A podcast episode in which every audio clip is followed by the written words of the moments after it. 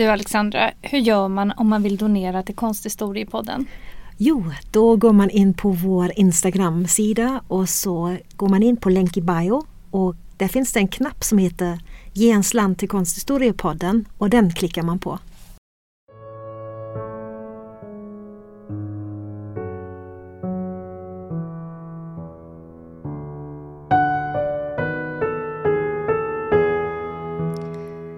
Hej och välkomna till Konsthistoriepodden. Jag heter Alexandra Frid. Och jag heter Alexandra Härlitz. Och idag ska vi prata om ett porträtt som stals av nazisterna och som ledde till att en amerikansk medborgare stämde den österrikiska staten för att få tillbaka sitt rättmätiga arv. Det är ett porträtt som nu för tiden anses vara ett konstverk som symboliserar staden Wien och dess guldålder, Wiener Moderne, samtidigt som den har blivit en nationell symbol för den österrikiska kulturens identitet. Vi har valt verket eftersom det har en fascinerande historia som även har inspirerat till en spelfilm och då verket har spelat en viktig roll i länders plikt att återlämna stöldkonst från exempelvis andra världskriget.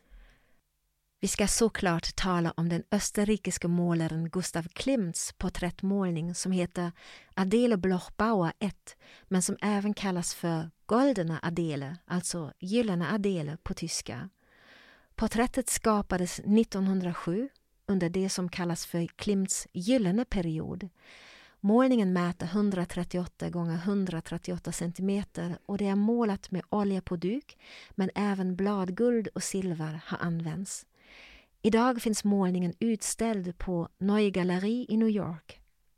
Målningen föreställer ett naturalistiskt återgivet kvinnoporträtt mot en guld och silvermetallisk bakgrund med geometriska former och ornament.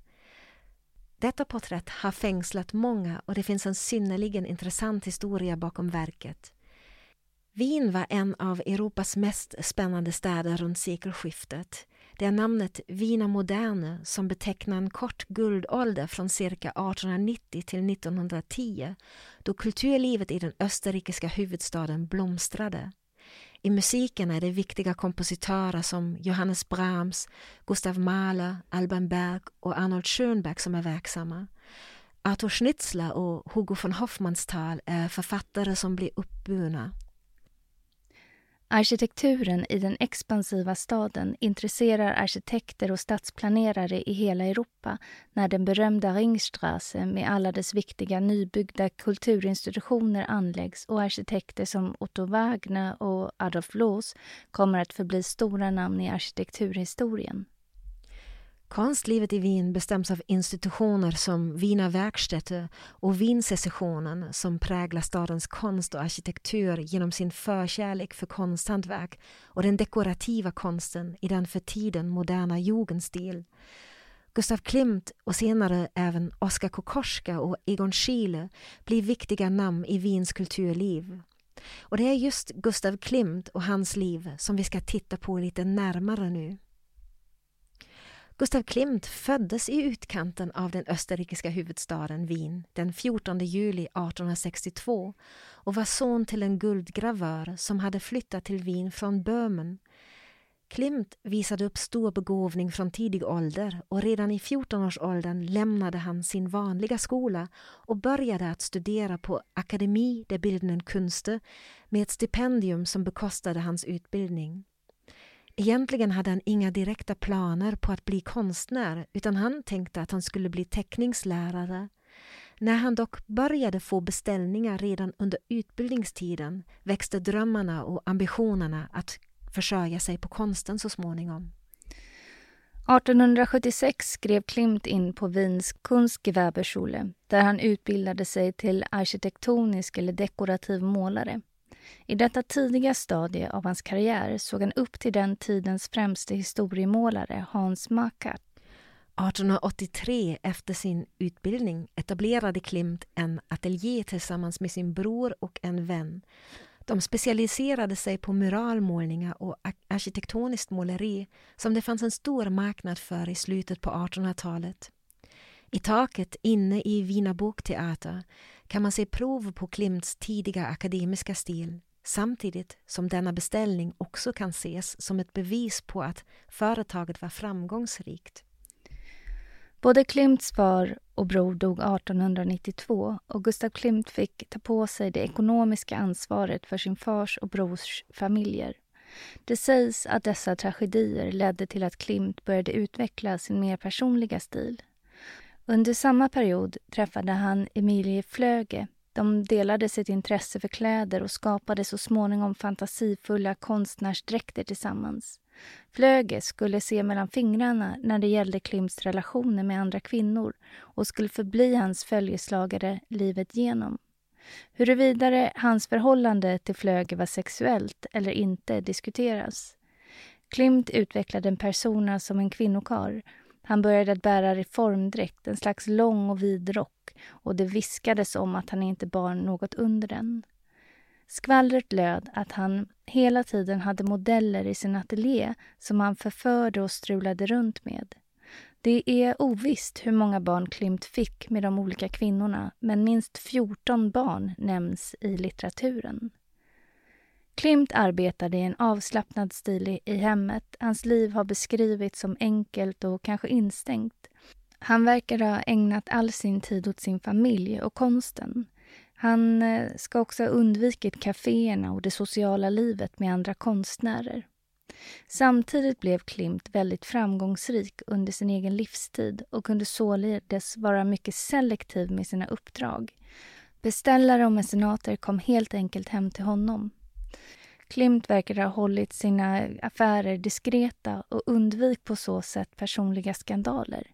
I teckningar dock kan vi bevittna hans erotiska intressen och sexuella dragning till kvinnor som doldes bakom allegoriska och mytologiska motiv.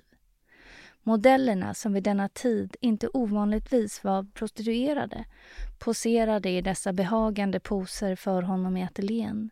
Klimts målarstil har beskrivits som mycket noggrann och modellerna satt vanligtvis i långa sittningar. I Wien var den akademiska stilen som lärdes ut på konstakademier på många håll i Europa den stilen som blev ett riktmärke för många konstnärer. Stilen hade fokus på det förfinade och perfekta och konstnärerna skapade sina idealiserade och eleganta motiv, gärna från historien eller mytologin. Klimt var till en början en målare som tydligt förknippades med akademin och det akademiska sättet att måla. 1888 tilldelades han en medalj av Franz Josef I av Österrike och så småningom blev han också hedersmedlem vid universiteten i München och Wien. Och det är i slutet av 1800-talet som Klimt ska bryta med akademin och bilda med 15 andra konstnärer Wiensecessionen efter förebilden i Berlin. Och han blir även president över Wiensecessionen.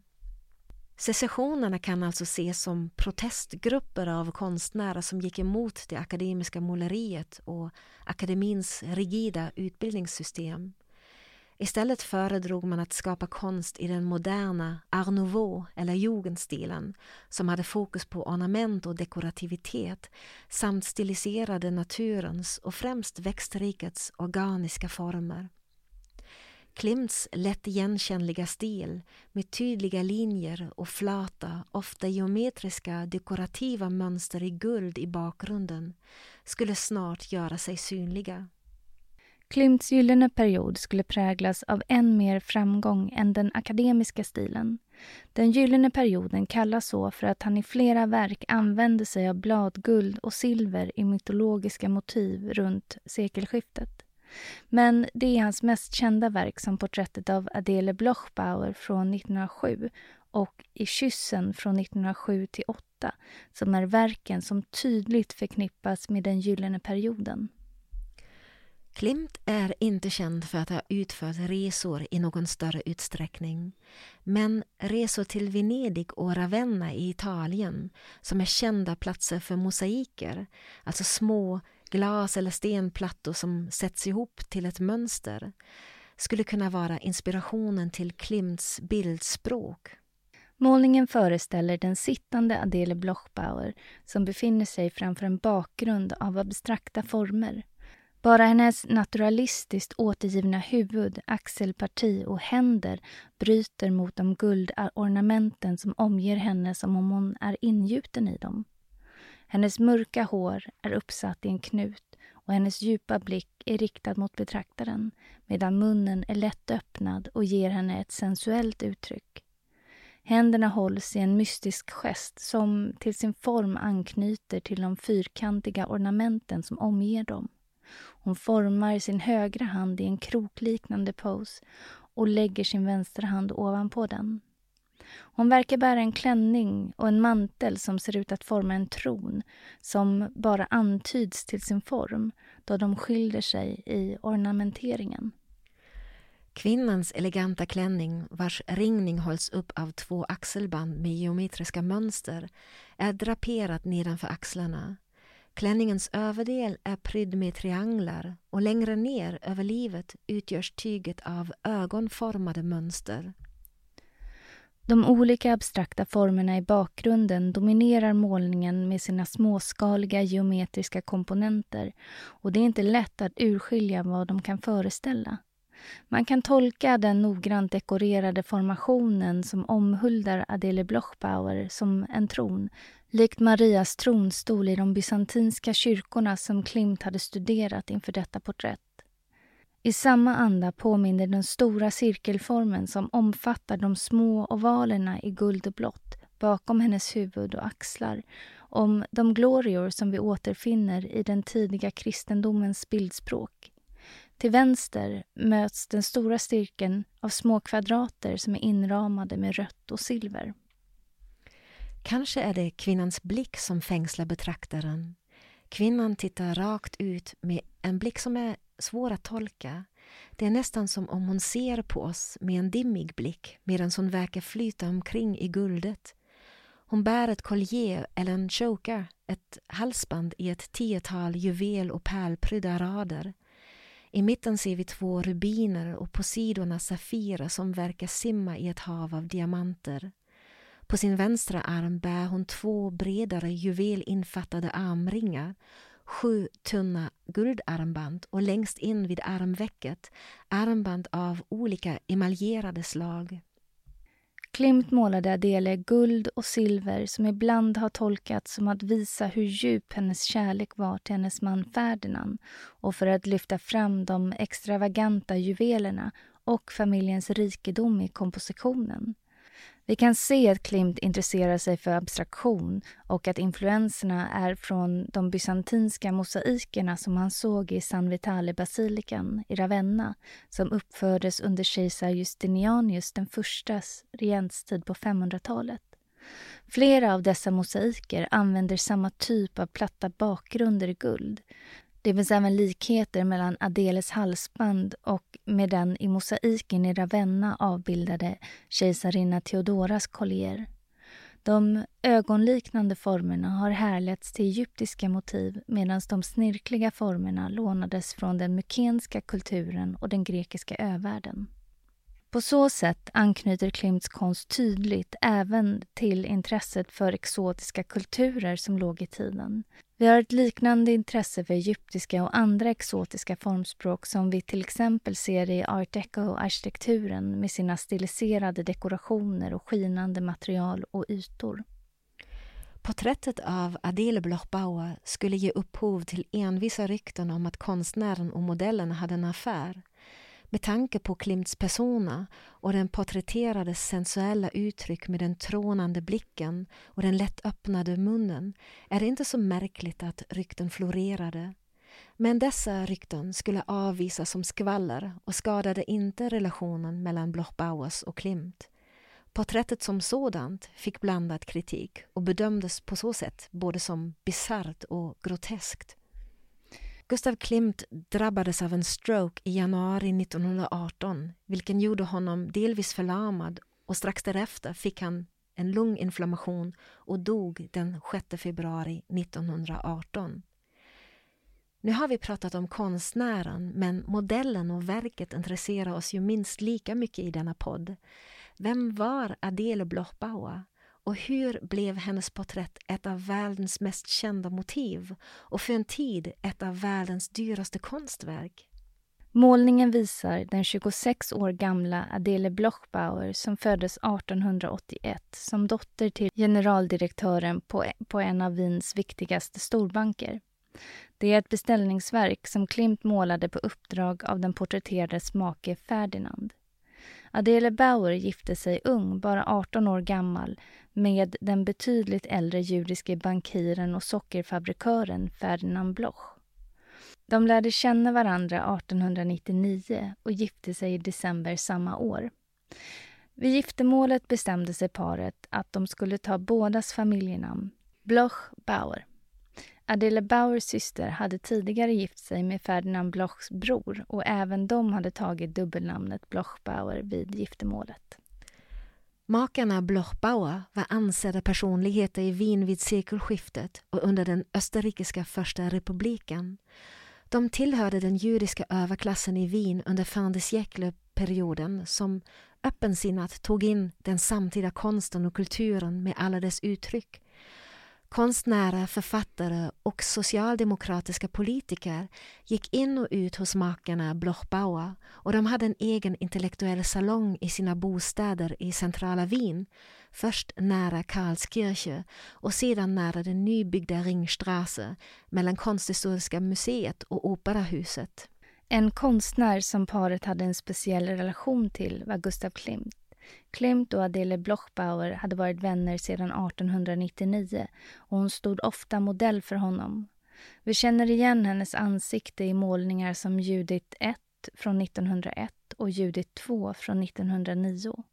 Hennes medverkan som modell är dock inget som uppmärksammades under denna tid trots att Klimt avbildade den bibliska figuren Judit som en halvakt som blottar ena eller båda brösten. Adeles make Ferdinand Blochbauer blev Klimts mecenat och stöttade honom finansiellt och genom beställningar av ett antal målningar som kom att pryda makarnas palä på Elisabethstrasse. Han beställde de två porträtten som nu för tiden heter Adele Blochbauer 1 och 2 och som målades 1907 och 1912. Paret ägde också ett antal natur och landskapsmålningar av Klimt som bland annat visar björkskogar och äppelträd. Vår målning, Den gyllene Adele, fullbordades 1907 men uppdraget att måla ett porträtt av hans fru Adele hade Gustav Klimt redan 1903 fått av Ferdinand. Det skulle bli en utdragen process som krävde mer än hundra teckningar och förstudier. I ett antal skisser som Klimt gjorde 1903 med svart krita ser vi att målaren redan tidigt i processen hade bestämt målningens grundläggande komposition. Det som han verkade vara rådvill om var hur exakt hennes sittande position skulle te sig. Man ser hur han experimenterar med både hennes huvudhållning och positionen av hennes händer. När Klimt hade fullbordat porträttet av Adele Bloch-Bauer ställdes verket omgående ut i konstnärens ateljé Redan under de första åren efter tillkomsten fick verket en hel del publicitet då det avbildades i tidskriften Deutsche Kunst und Dekoration och visades på den internationella konstutställningen i Mannheim 1907, på Kunstschau Wien 1908 och på den internationella utställningen i Venedig 1910. Från 1910 till 1918 verkar målningen dock inte ha ställts ut mera utan ägarna fick njuta av den i sitt hem innan målningen hamnade på Österreichische Galerie Belvedere i Wien. Där slutar dock inte målningens historia som är så märklig och ändå lik många andra målningar från denna tid och plats. En historia som har skapat stort intresse och publicitet då den har inspirerat tre dokumentärer på 2000-talet och en spelfilm från 2015. Det börjar med ett testamente, med Adele Blochbauers testamente hon dog i januari 1925, bara 43 år gammal, i sviterna av en hjärnhinneinflammation. Och hon har då gått igenom två graviditeter som slutade i fosterdöd och fött ett tredje barn som bara levde i två dagar. Makarna Blochbauer förblev barnlösa. I sitt testamente yttrade Adele Bloch-Bauer sitt önskemål att hennes make ska testamentera hennes sex klimtmålningar till det statliga österrikiska galleriet. Ferdinand Bloch-Bauer angav att målningarna var hans egendom men tillstod att han skulle uppfylla hennes önskemål och donerade redan 1936 en landskapsmålning till samlingarna på Belvedere-slottet i Wien. Men det testamentariska önskemålet ska bli mycket mer komplicerat än Adelo och Ferdinand Bloch-Bauer hade kunnat förutspå.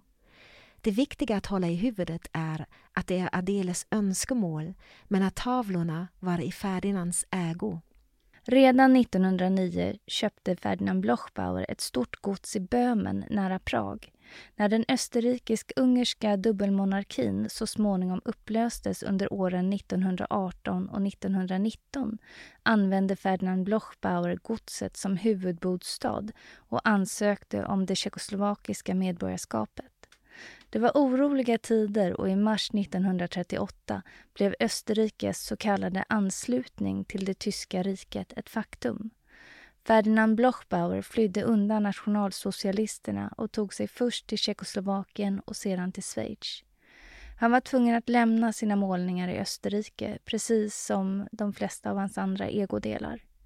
Hans lantgods i Tjeckoslovakien togs så småningom i besittning av nazisterna. Ferdinand Blochbauer skulle aldrig mer återvända till Wien. Han dog den 13 november 1945 men innan hans bortgång hann han återkalla alla donationer av hans konst till österrikiska museer som han tidigare hade angett i sitt testamente. Vad hände alltså sedan med makarna Bloch-Bauers konstsamling efter båda hade gått bort? Jo, både konstverken och förmögenheten hade redan 1938, under Ferdinands livstid, exproprierats av skattemyndigheterna, vilket var det vanliga förfarande i Österrike gällande alla judiska medborgare som hade lyckats fly landet. Alla kvarvarande ägodelar, fastigheter och sockerfabriken förvaltades och såldes slutligen av en kommissarisk förvaltare som den österrikiska staten hade förordnat så även deras omfattande samlingar av måleri, porslin och gobelänger. Just försäljningen av Klimts målningar dröjde dock. Dessa verk motsvarade inte smaken av de nationalsocialistiska konstfunktionärer som verken erbjöds till. Först 1941 köptes Klimts målning Adele Blochbauer 1 och Äppelträd 1 av den österrikiska galleriet i Belvedere-slottet i Wien, som på denna tid hette Moderne Galleri. Därför blev alltså porträttet på Adele Blochbauer fram till februari 2006. Men det var inte alls tyst kring verket under dessa 65 år. Ferdinand Blochbauer hade innan sin bortgång börjat ordna att målningarna inte skulle förbli hos sina orättmätiga ägare. Som vi redan nämnde hade han dragit tillbaka alla tidigare framskrivna donationer av konst till österrikiska museer. Dessutom hade han efter krigets slut 1945 anlitat en advokat i Wien, Gustav Rieners, som hade fått i uppdrag att verka för återlämnandet av hans ägodelar och förmögenhet som nazisterna hade tagit ifrån honom och således ifrån hans arvingar. Då han inte hade egna barn utsåg han sina tre brorsbarn som arvtagare. Men arvet fick de först bara ta emot till viss del trots att advokaten Riners bevakade deras intressen även efter Ferdinand Blochbauers död. Den österrikiska staten hävdade i förhandlingarna att museet redan ägde målningarna efter Adele Blochbauers bortgång, så som hon önskade i sitt testamente och att museet i själva verket hade låtit Ferdinand Blochbauer behållit dem ett tag till. Detta var en lögn, men advokaten Drinech visste inte att detta inte var sanningen. Därför gick han med på, den, på en överenskommelse att arvtagarna skulle ge upp sina Klimt-målningar och att den österrikiska staten i gengäld skulle ge dem tillstånd att exportera andra österrikiska målningar som arvet omfattade till Kanada, där familjen var bosatt. Klimtmålningarna fick alltså inte lämna landet och familjens målningar stannade på Belvedere-slottet. Detta förfarande var ganska vanligt för efterkrigstiden. Den österrikiska staten hade då skapat strategier för att konstverk skulle bevaras i de österrikiska samlingarna. Den vanligaste strategin var att man tvingade de rättmätiga ägarna att donera sina konstverk för att få tillstånd att föra andra föremål ur landet. En annan vanlig strategi var att man i förhandlingarna hävdade att verket var en nationalskatt och att det var av värde för hela nationen att verket stannade i Österrike. I dessa fall erbjöd man de rättmätiga ägarna att de kunde få ett annat verk som skulle vara jämförbart men som alltså brukade vara av lägre värde. Ägarna blev egentligen lurade i denna byteshandel med den österrikiska staten. Men det ska ändå sägas att Österrike sammantaget har gjort mer för att återföra naziststulen konst än något annat land. Hur man i efterkrigstiden hanterade dessa frågor hade dels att göra med att man hade som mål att hålla ihop sina samlingar. Dels med Österrikes självbild efter andra världskriget. Man ville snabbt lägga det förflutna bakom sig och inte riskera att bli en delad nation så som Tyskland blev. Dels gjorde man det genom att hävda Österrikes status som offer. Och det är ju delvis rätt. Österrike hade varit ett offer när nazisterna tog över men som ett helt samhälle var ju inte Österrike ett offer utan det fanns ju nazister där också och eh, också i ledande positioner. En hel del av museimedarbetarna som ville hålla ihop samlingarna och köpslog med de rättmätiga ägarna var ju en del av Österrikes nationalsocialistiska förflutna. 1998 ändrades plötsligt situationen för Blochbauers arvingar genom en ny lag i Österrike denna nya lag handlade om villkoren kring återlämning av konstföremål och genom denna skapades också möjligheten att varje intresserad medborgare fick insyn i de statliga museernas dokument angående konstverkens förvärv. I den allmänna uppfattningen i Österrike var det en skandal att det hävdades att det fortfarande fanns stulen konst i de nationella samlingarna Många utgick från att all nazistulen konst hade blivit återförd efter kriget. Den österrikiska journalisten Hubertus Czernin tog därför tillvara möjligheten att få insyn i dokumentationen. Stämde det verkligen att inte all NS-stöldkonst var återlämnad? När han gick igenom arkivmaterialet läste han bland annat om hur Klimts målningar hade hamnat på Belvedere. Det var han som förstod att köpen från 1941 inte hade någon juridisk giltighet och han tog då kontakt med Blochbauers arvtagare och informerade dem om dessa omständigheter. Han skrev dessutom en exposé om dokumenten han hade tagit del av och bara några få veckor efter Tjernin hade undersökt arkivmaterialet drog ministern tillbaka rätten till insyn i de statliga museernas dokument. Och nu börjar en spännande process. Maria Altman blir en nyckelperson i händelserna. Hon var brorsdotter till Ferdinand Blochbauer och systerdotter till den avbildade Adele Blochbauer. Hon föddes också i Wien 1916 och har levt i USA sedan hon flydde undan nationalsocialisterna i Österrike. Det är Maria Altman som bestämmer sig för att få tillbaka familjens fem exproprierade Klimt-målningar. Till sin hjälp tog hon advokaten Eric Randall Schönberg som är den österrikiske kompositören Arnold Schönbergs barnbarn. Tillsammans ansökte Altman och Schönberg om återlämning av hennes arv. Men den dåvarande kulturministern Elisabeth Gere avvisade ansökan. Kommittén som är ansvarig i frågan ville inte ens ha ett samtal med varken Maria Altman eller hennes advokat. Antagligen för att målningarna som hon önskade få tillbaka ansågs vara för viktiga för Österrike. Ministern gav henne rådet att kräva sin rätt i domstol, antagligen väl medveten om att det inte skulle hända. För att lämna in en stämningsansökan i Österrike så måste en enorm domstolskostnad betalas som motsvarade värdet av målningarna i frågan. I Maria Altmans fall var det fråga om ungefär två miljoner dollar bara för att bli hörd av en domstol och då vet man ju inte heller hur fallet skulle avgöras. Maria Altman kunde alltså inte lämna in stämningsansökan. Hennes advokat Schönberg undersökte möjligheten att lämna in en stämning i Nordamerika. Till slut hittade han ett sätt att man kan stämma ett annat land i USA i väldigt få fall, nämligen i sådana fall där egendom har tagits ifrån någon i strid med internationell rätt. Det gick några vändor då rätten var på Maria Altmans sida och den österrikiska staten gjorde det inte enkelt för henne att få tillbaka sin egendom. Till slut la sig även den amerikanska regeringen i. Man var bekymrad att domen som Altman hade fått skulle kunna användas i andra fall där människor försökte stämma andra länder.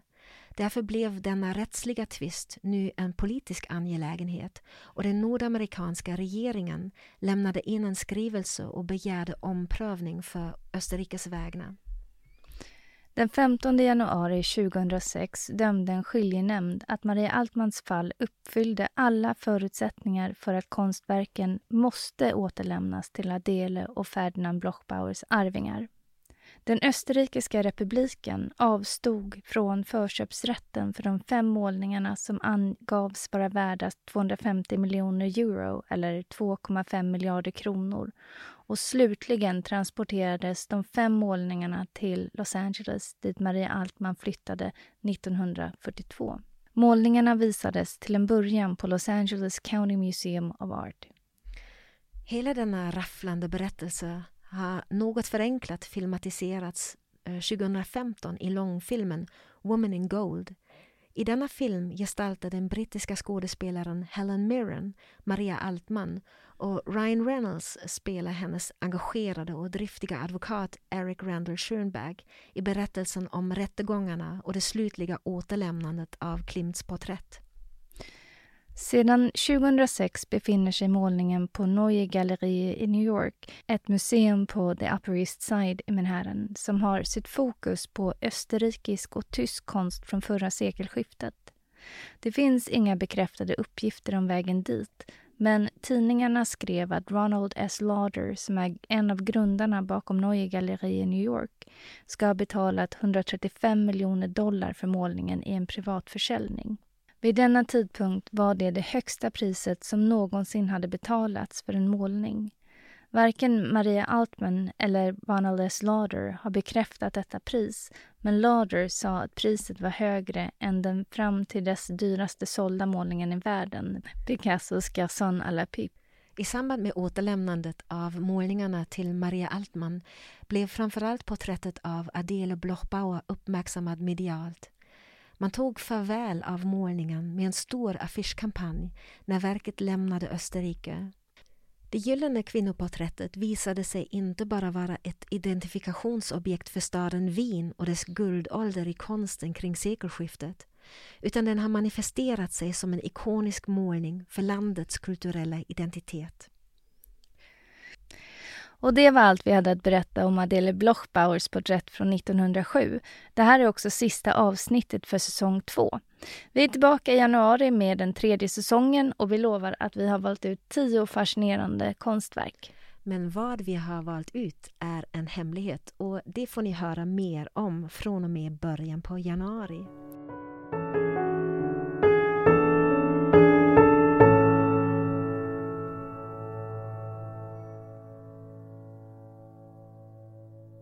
Konsthistoriepodden görs med stöd av Gustav Adolf Bratts minnesfond och Göteborgs universitet. Manus och klippning görs av Alexandra Frid och Alexandra Herlitz.